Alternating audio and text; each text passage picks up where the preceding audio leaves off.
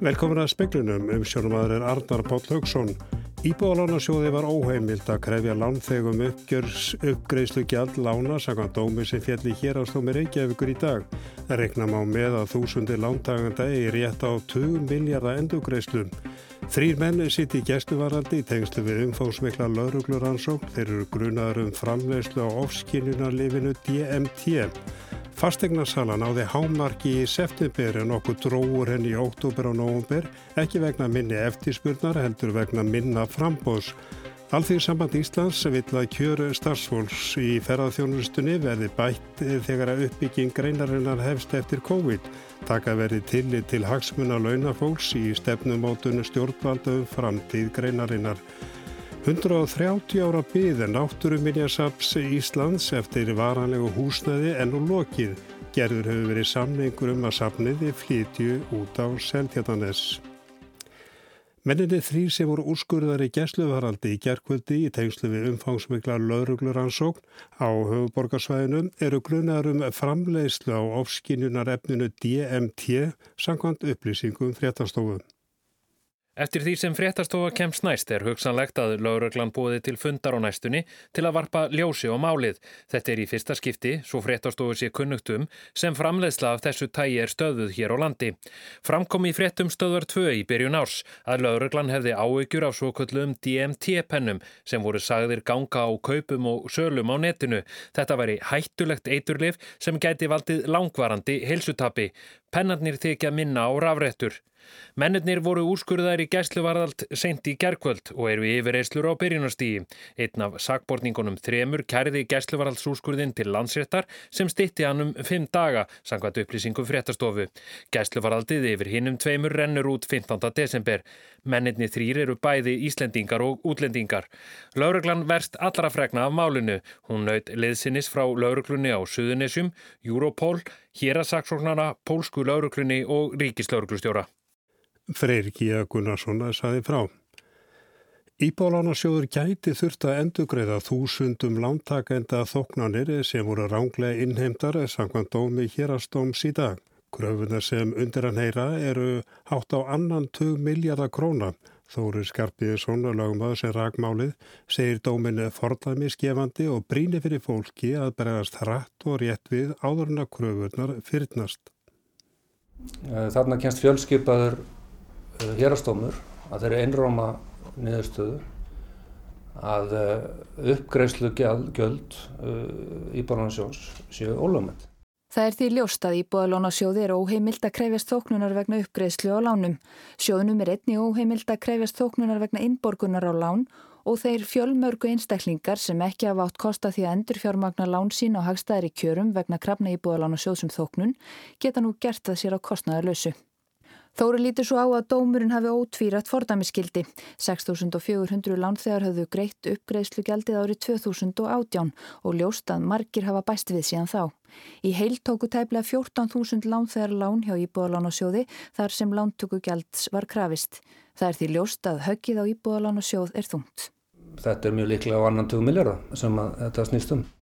Sagði Þórir, Þórir Skarpiðinsson, Marja Sigrun Hilmarsdóttir tók saman. Heimurinn er nála tí að sjá fyrir endan á koronu veiru farandrinum, sagði framkvæmtastjóri alþjóða heilbriðismálarstofnunarinnar í ávarpi sína á allsýraþingi saminuðu þjóðan í dag. Hann varaði við því að það geti haft mjög djúbstæðar og efnaðarslegar og félagslegar afleðingar ef bóluefnum verður ekki dreift á sangjarnan hátt um heiminn. Efnameiri ríki heims hafa flest þegar tryggt sér kaup og bóluefnum þegar þau koma á markað. Mál, málana á allserjaþingi saminuðu þjóðana sem fór fram í gegnum fjarfundarbúnað í dag var dreifing á bóluefni til fátakari ríkja heims sem ekki hafa burði til að gera samninga um kaup og slíku.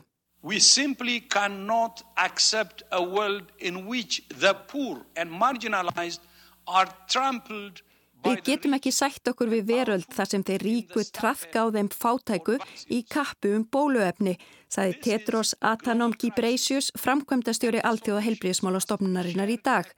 Tryggja á fátækum ríkum bóluefni gegnum viðtækt ríkja samstarf en framkom í máli framkvæmdastjórans að ennvandi háar fjárhæðir til að þær áætlanir geti orðið að veruleika. Dagni Hulda Erlendstóttir sagði frá. Fleiri kaupsamningar voru gerðið hérlendis í september en nokkru sinni fyrir eða síðar. Karlotta Haldóstóttir, sérfræðingur hjá húsnaðis og mannverkjastofnun, segir að mikið líf hafi verið á fastinnamarkaði frá afléttingu fyrsta samgómmubansins. Það virðist verið að við höfum nátt svona hámarki í september. September ætlar að slá svona öll meta fastinnamarkaði og er svona bara mánuður sem við hefum ekki séð áður. Bæði hvað var þar fjöldakaupsamninga og líka varandi veldu. Karlotta telur að það megi reykja til stýrivaksta lækuna Sæðlabankans og hagstæðra vaksta. Sala minkað á landsvís í oktober og november frá því í september, samkvæmt vísum húsnæðis og mannverkjastofnunar. Það er ekki alveg sama þróun yfir landið en í nákvæmlega höfuborgarsæðisins þar er november að koma bara svona metmánuður árinu en fyrir annar starf landsbyðinni er að sjá að mikil lækun í november. Eftir spurnin eftir húsnæð er mikil en frambóðið fer minkandi. Það er færri íbúið til sölu á hverjum tíma og svo er meðal sölutími eigna hefur minkað mjög mikið þannig að það er svona greinlega svolítið svona kapp um hverju íbúð og svo hefur verðið hækkat alveg tölverst núna undirfarnamáli. Þetta var Karlóta Haldarstóttir, Brynjólfur Þór Guðmursson tók saman. Fulltrúar bresku stjórnarinnar og Evrópusambansins gera nú enn eina tilraunina til að semjum framtíðar samskipti eftir að breytar ganga endalagur ESB um áramótin. Sendin nefndi ESB átt að fara heim til Brussel í dag en framlengdi dvöl sína í Lundunum. Littlar sem engar áræðanlegar fregnir hafa borist af gangi viðræna en hálf dullbúnar hótanir hafa hist frá ráðamönnum. Alok Sjarma, viðskiptar á þeirra breyta, sagði að samningar tækjust ekki nema Evrópusambandi viðurkendi að breytar væru sjálfstæð fullvalda þjóð. We want the EU to recognize that the UK is a sovereign and independent nation. Clement Bon, Evrópur á þeirra frönsku stjórnarinnar gaf í skín að frakkar byttu neitunarvaldi ef þeir teltu samningarnemdi ESB að gefa mikið eftir. Svo hætta er fyrir hendi, sagði Bon. Ce risque existe, il ne faut pas le cacher, parce que ensuite ce sont euh, des entreprises, euh, nos pêcheurs, euh, des citoyens qui voyagent, qui doivent le savoir. Et donc il faut se Við gætum hagsmunna atvinnulífsins sjómanna og ferðalangar verða að vita hvað verður, sagði Bón. Hann sagði einnig að frakkar ætlið ekki að fórna meiri hagsmunni fyrir minni. Ímsir í ESB-löndum hafa látið í það skína að það kemi breytum verð en ríkjum ESB ef samningar takast ekki. Fréttaskýrindu segja að digurbarkalegar yfirlýsingar séu mest ætlaða til heimabrúks, báðum sé ljósta að miklir hagsmunni séu húfi og því sé nú reynd til þrautar að ná samkómulagi. Bói Ágússon tók saman og nána verið fjalla um brexit-máli síðar í speiklinum. 130 ára byði náttúruminjarsafs Íslands eftir varanlegu sapnhúsi er lokið. Gerður verið samningur um að flytja sapnið út á Seldjarnanes í hús sem staðið hefur auðti í 13 ár. Hilmar Jóð Malmqvist, Malmqvist fórstum að náttúruminjarsafsins, segir að þetta séu mikil tímamót.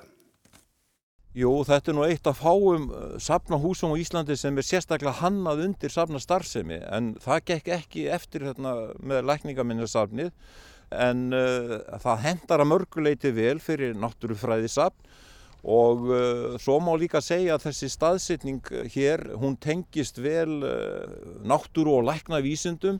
Þess að tvær greinar eru ná tengdar og, og Við ætlum einni að sinna þessu í síningahaldinu tengslanum millir náttúru og leknavísinda. Hvena sjáu þið fram á að geta fluttið inn og, og opnað? Það verður sennilega tildulega skammur tími. Það er ráðgert að láta hendur standa fram úr ermum og jafnvel að við getum opnað og starfseminn verið flutt hérna inn vorið 2023. Þetta var Hilmar Jóð Malmqvist og það var Jóhann Bjarni Kolbinsson sem talaði við hann og nána verið fjallum þetta máli fréttum sjóngars klukkan 7.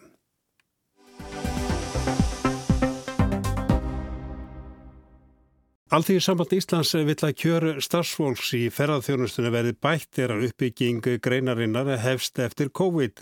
Taka verið tillit til hagsmunna launafólks í stefnumótunni stjórnvalda um framtíð ferðarþjónustunar.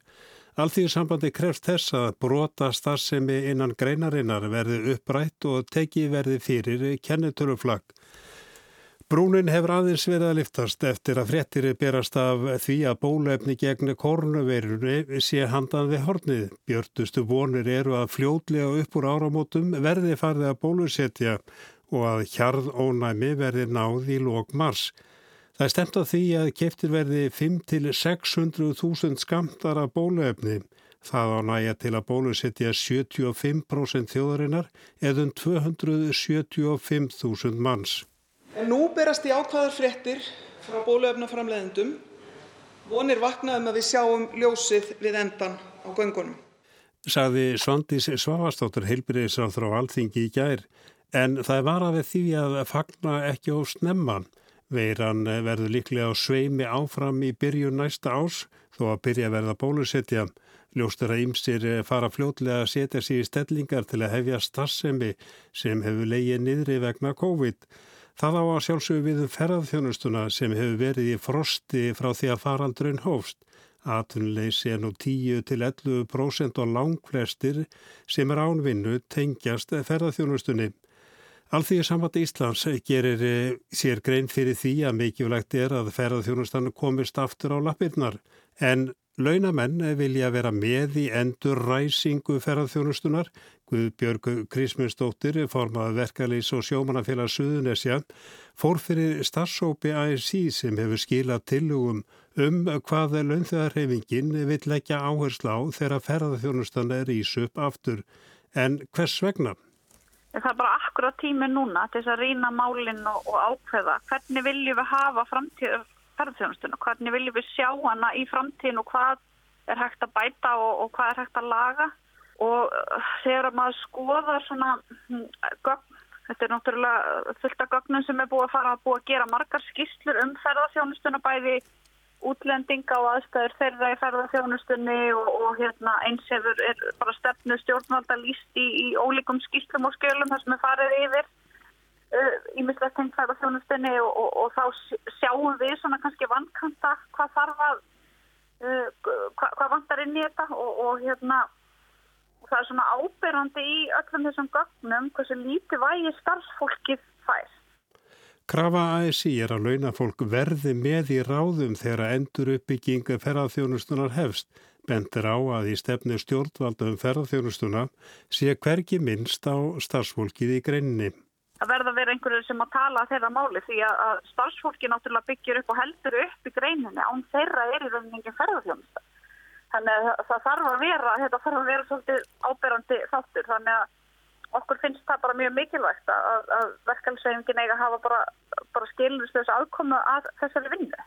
Núna er að rofa til eh, vona því að það verði menn setist niður á móti ykkur eh, stefnu núna verður þetta ekki bara þannig að ferðarþjónustu fyrirtækin byrja að starfa eftir því sem ástandi batnar? Eh, það getur náttúrulega gæst en þetta er bara tækifæri. Núna þegar það þarf að fara, við veitum öll að þetta er ekkert að fara að gerast bara, við vöknum ekkert einn morgun og það verður bara allt á fulli. Þetta gerist hægt og rólega. Þannig að það er svo gott tækifæri núna til þess að, taka til og, og, og, og henda út og bæta inn og laga. Þetta er bara akkurat tím.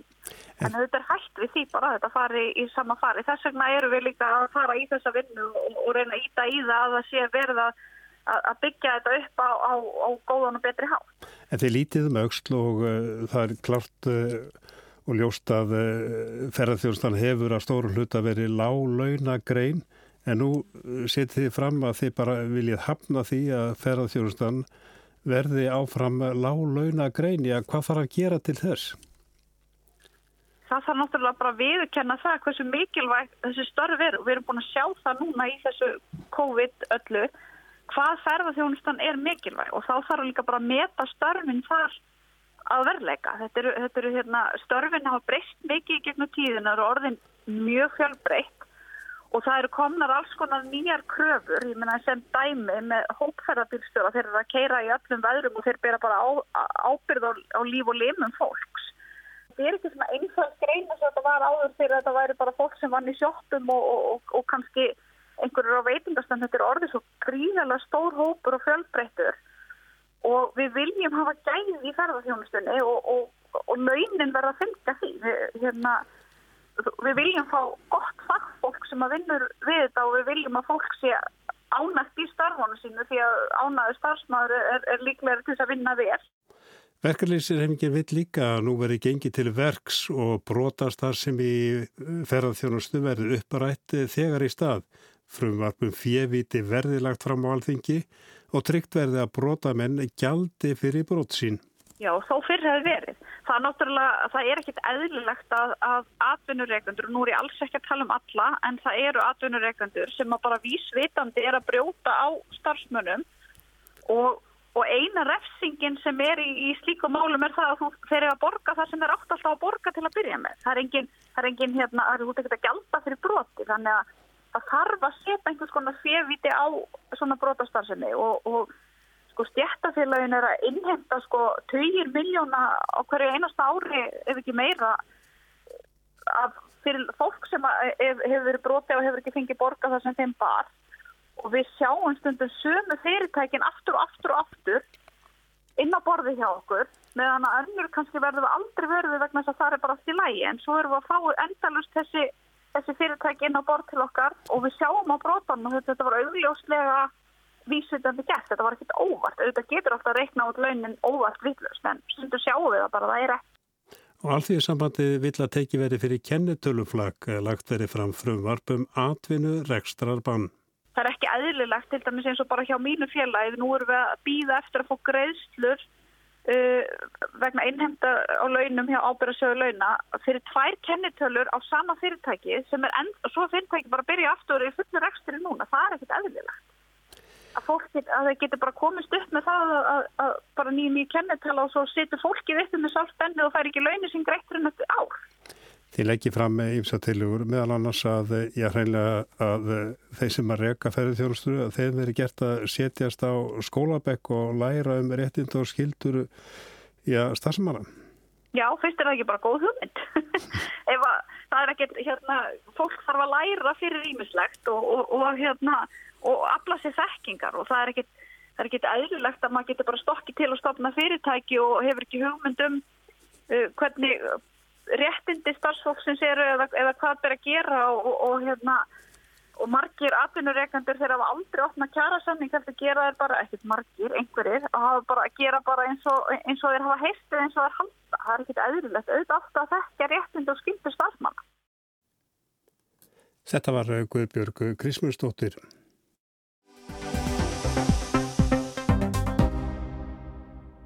Og þá að Brexit eh, frá því að breytar samþykti í þjóratkvæðagreyslu árið 2016 að ganga úr Európusambandunum hafa margir úslita frestir liðið. Hinn eini skýri frestur er að aðil breyta endar nú um áramótin. 1. januar eru breytar ekki lengur í ESB. Breytar er að semja við ESB um fríversluna samning til framtíðar en óljóst hvort semst.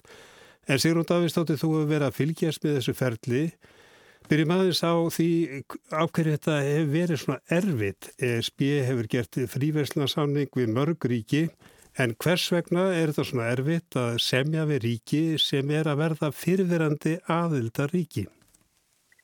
Venjulega snúast viðskiptarsamningar um að ríki naga sig saman, komur ólíkri átt eða ólíkum áttum, reyna að koma sig saman um að standa á sömu torfunni og það tekur ár en ekki mánuði. Nú ímsir Brexit-sinnar töldi upphafi að fríverslunarsamningu breyta við ESB er þið miklu auðveldari en ella að því báðir aðilar byrjuðu á nákvæmlega sama punkti sem er ESB aðildin og hún hefur auðvitað verið í deglunni í áratýji. Snýstum algjörlega snurðulegs viðskipti, enga totla, algjör lagaleg, uh, algjöra lagalega samhæfingu. Það síndi sig hins vegar að nei, þetta var í raun mjög erfiðu punktur að byrja á. Það er erfitt að skera frá kosti sem fólust í aðild og átökinn einmitt snúist um lagalega samhæfingu meðal annars um samkeppnisgrundvöld og svo hvernig þetta leysa deilur sem kæmi upp vegna samningsins í framkvæmt í viðbót eða svo fyrstgveðar. Það eru utan viðskipta samningsins en á samjum væri í leðinni. En þetta er ekki fyrsti samningur sem að breytar gera við ESB vegna útgöngunar. Það var búið að semjum sjálfa útgönguna. Það er alveg rétt. Það var þegar búið að semja um útgönguna og í viðbót uh, við hana eða við þann samning þá var þessar plagg um Norðurírland. Þetta var allt saman afgreitt fyrir um ári síðan og breytar gengur svo formlega úr Europasambandinu í lok janúar síðastliðin. Þar með voru gagfann borgarréttindi afgreitt, líka skilnaður greiðsla breyta til ESB og svo fyrirkomulæði sem tryggir opin landamæri á milli Norður Írlands og Írlands á þessu gamla átakasvæði.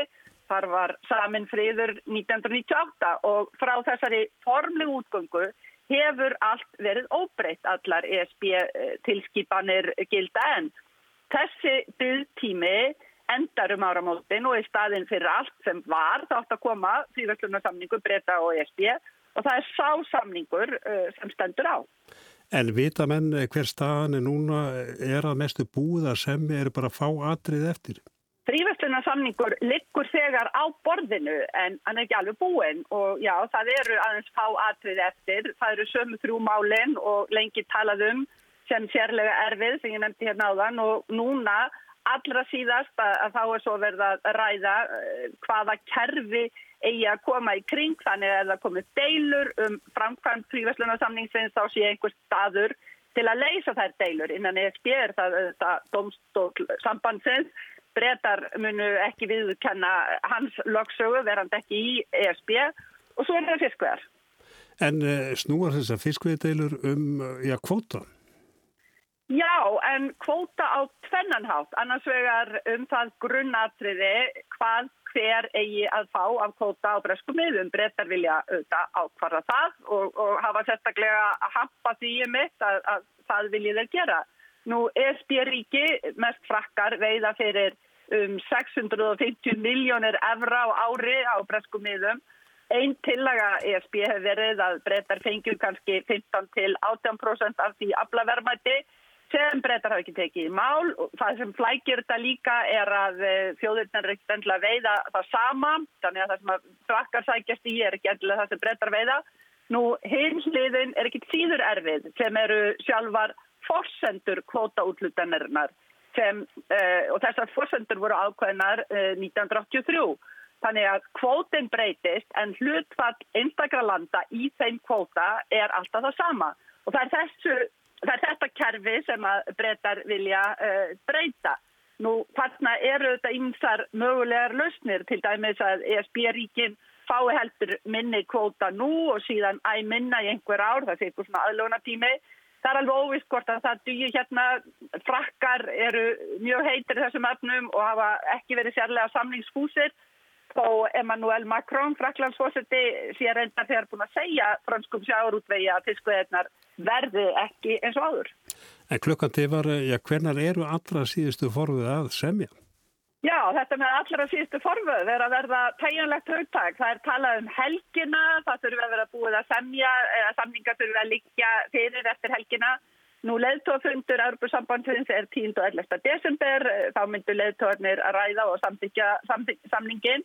SB-þingið þarf líka að ræða, uh, ræða samningin og samþykja og sama með breska þingið allir þurfa einhver tíma en sama hvað það verður svo sem ekki allt tilbúið um áramótin og þá er líka spurning hvernig verður tekið á því jafnvel þó að það semjist. En stóra spurningin ef ekki semst, hvað þá?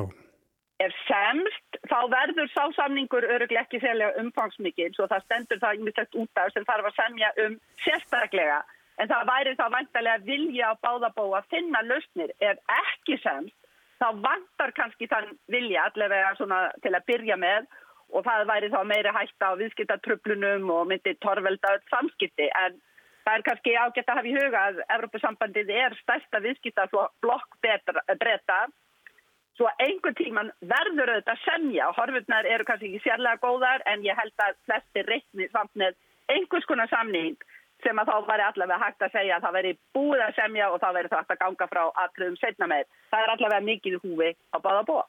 Sigrun Davíðstóttir, þakkaði kærlega fyrir.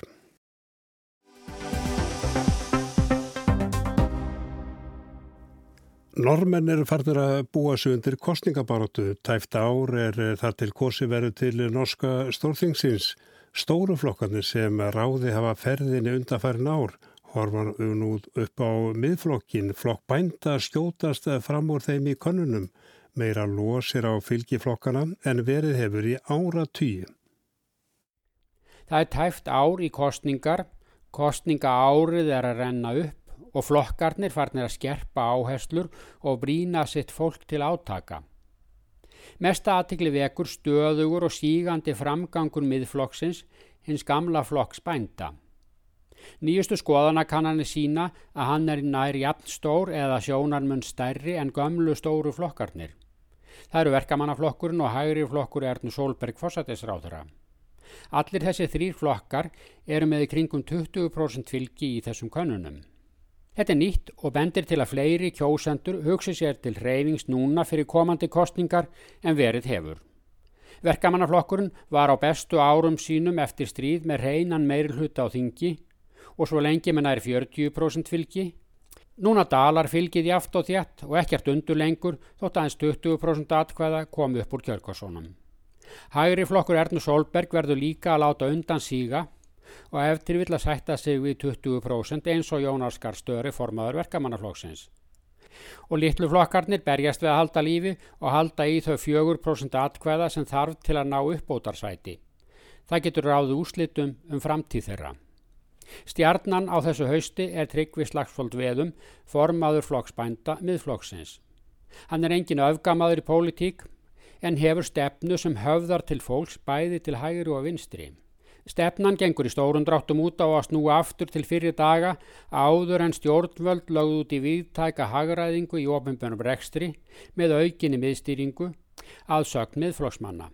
Málflutningur formans miðflokksins höfðar greinilega til margra, sérstaklega út á landsbygðinni en einni í óvenju miklu mæli í borgum og bæjum. Þar á meðal í höfuborginu Ósló. Það er nýtt. Hagræðing í ofinbjörnum rekstri er óvinnsæl, þótt hann er með spara peninga en hagræðingin þýðir að ofinberum stopnunum út um land er lokað og starfsemið þeirra saminuð á fáum stöðum. Hér að stómstólar þykja til dæmis allt og margir og þeim á fækka úr 60-30. Fáliðar lauruglustöðvar eru dýrar í rekstri og þeim á fækka og stækka lauruglumdæmi. Og mörg lítil sveitarfélög eru of hámenn til að sinna skildum sínum og þar má samina hvort sem heimamenn vilja það ekki. Sjúkrahús verða helst að vera stærri til að uppfylla nútíma kröfur svo þar má fækka og stækka. Og fylkin sem voru 19 er nú bara 11 eftir og voru saminuð gegn vilja fólksins. Og nú ofta án þess að heimamenn fái sagt nokkuð um verkefnin, til dæmis í rekstri framhaldsskóla. Miðflokksmenn lofaði endurvekja gömlu fylkin og hverfa frá hugmyndum þar sem ofinber þjónusta fjarlægist fólkið. Fólkið á landsbygðinni finnst sem þið ofinbera sé að hverfa. Það þýðir að lengra er ég að sækja ofinbera þjónustu og störfum við þjónustuna fækkar. Í hennum dreifðu byggðum er hið ofinbera oft stærsti vinnuveitandin. Núna leytast þetta sama ofinbera við að fækka fólki í vinnu hjá sér. Flokkur bænda græði líka á því að hinnir stóru flokkarnir hafa haft líka stefnu þegar kemur á ofinbjörn rekstri þá jaft við um þá flokka sem er í stjórn og stjórnar andstöðu. Við þetta bætist svo að fólk í stærri bæjum, sérstaklega í útkverfunum, finnst það afskipt í áætlunum stjórnvalda líka. Þannig hafa miðflokksmenn náð til sín fylgi í þjettbílinu. Þetta þýðir að flokkarnir sem standa ríkistjórn Ernu Solberg hafa aðeins 35-40% fylgi samanlagt í skoðanakonunum síðustu vikur og það þrátt fyrir að fórsættisráðra sé ekki áberandi umdelt, ekki umdelt fyrir aðgerðir í kófunu en samt vil meiri hluti kjósenda aðra stefnu hjá ríkinu. Og það var Gísli Kristjánsson í Oslo sem að saði frá að við ljúkum speiklinum Á veðrinu næsta sólarhinga norðan 8-15 metrar á sekundu kvassast austan til en kvassara í vinstrengjum sunnan vatnajökuls. Dáli til jél norðaustan og austanlands en annars úrkomulaust og bjartað mestum. Norðlæga átti viða 5-13 kvöld og stöku jél fyrir austan. Frostið 3-12 stig minnst suðaustalands en kaldast inn til landsins fyrir norðan. Breytilega átti 3-8 og létt skíjað á morgun en líkur á minniháttar snjókomu við suðvestuströndina sinnipartin. Frost 10-20 stig en mildara við suður og suðvestuströndina. En það er ekki fleira í speiklum við kvöld. Tæknimaður var Mark Eldred, verið sæl og góða helgi.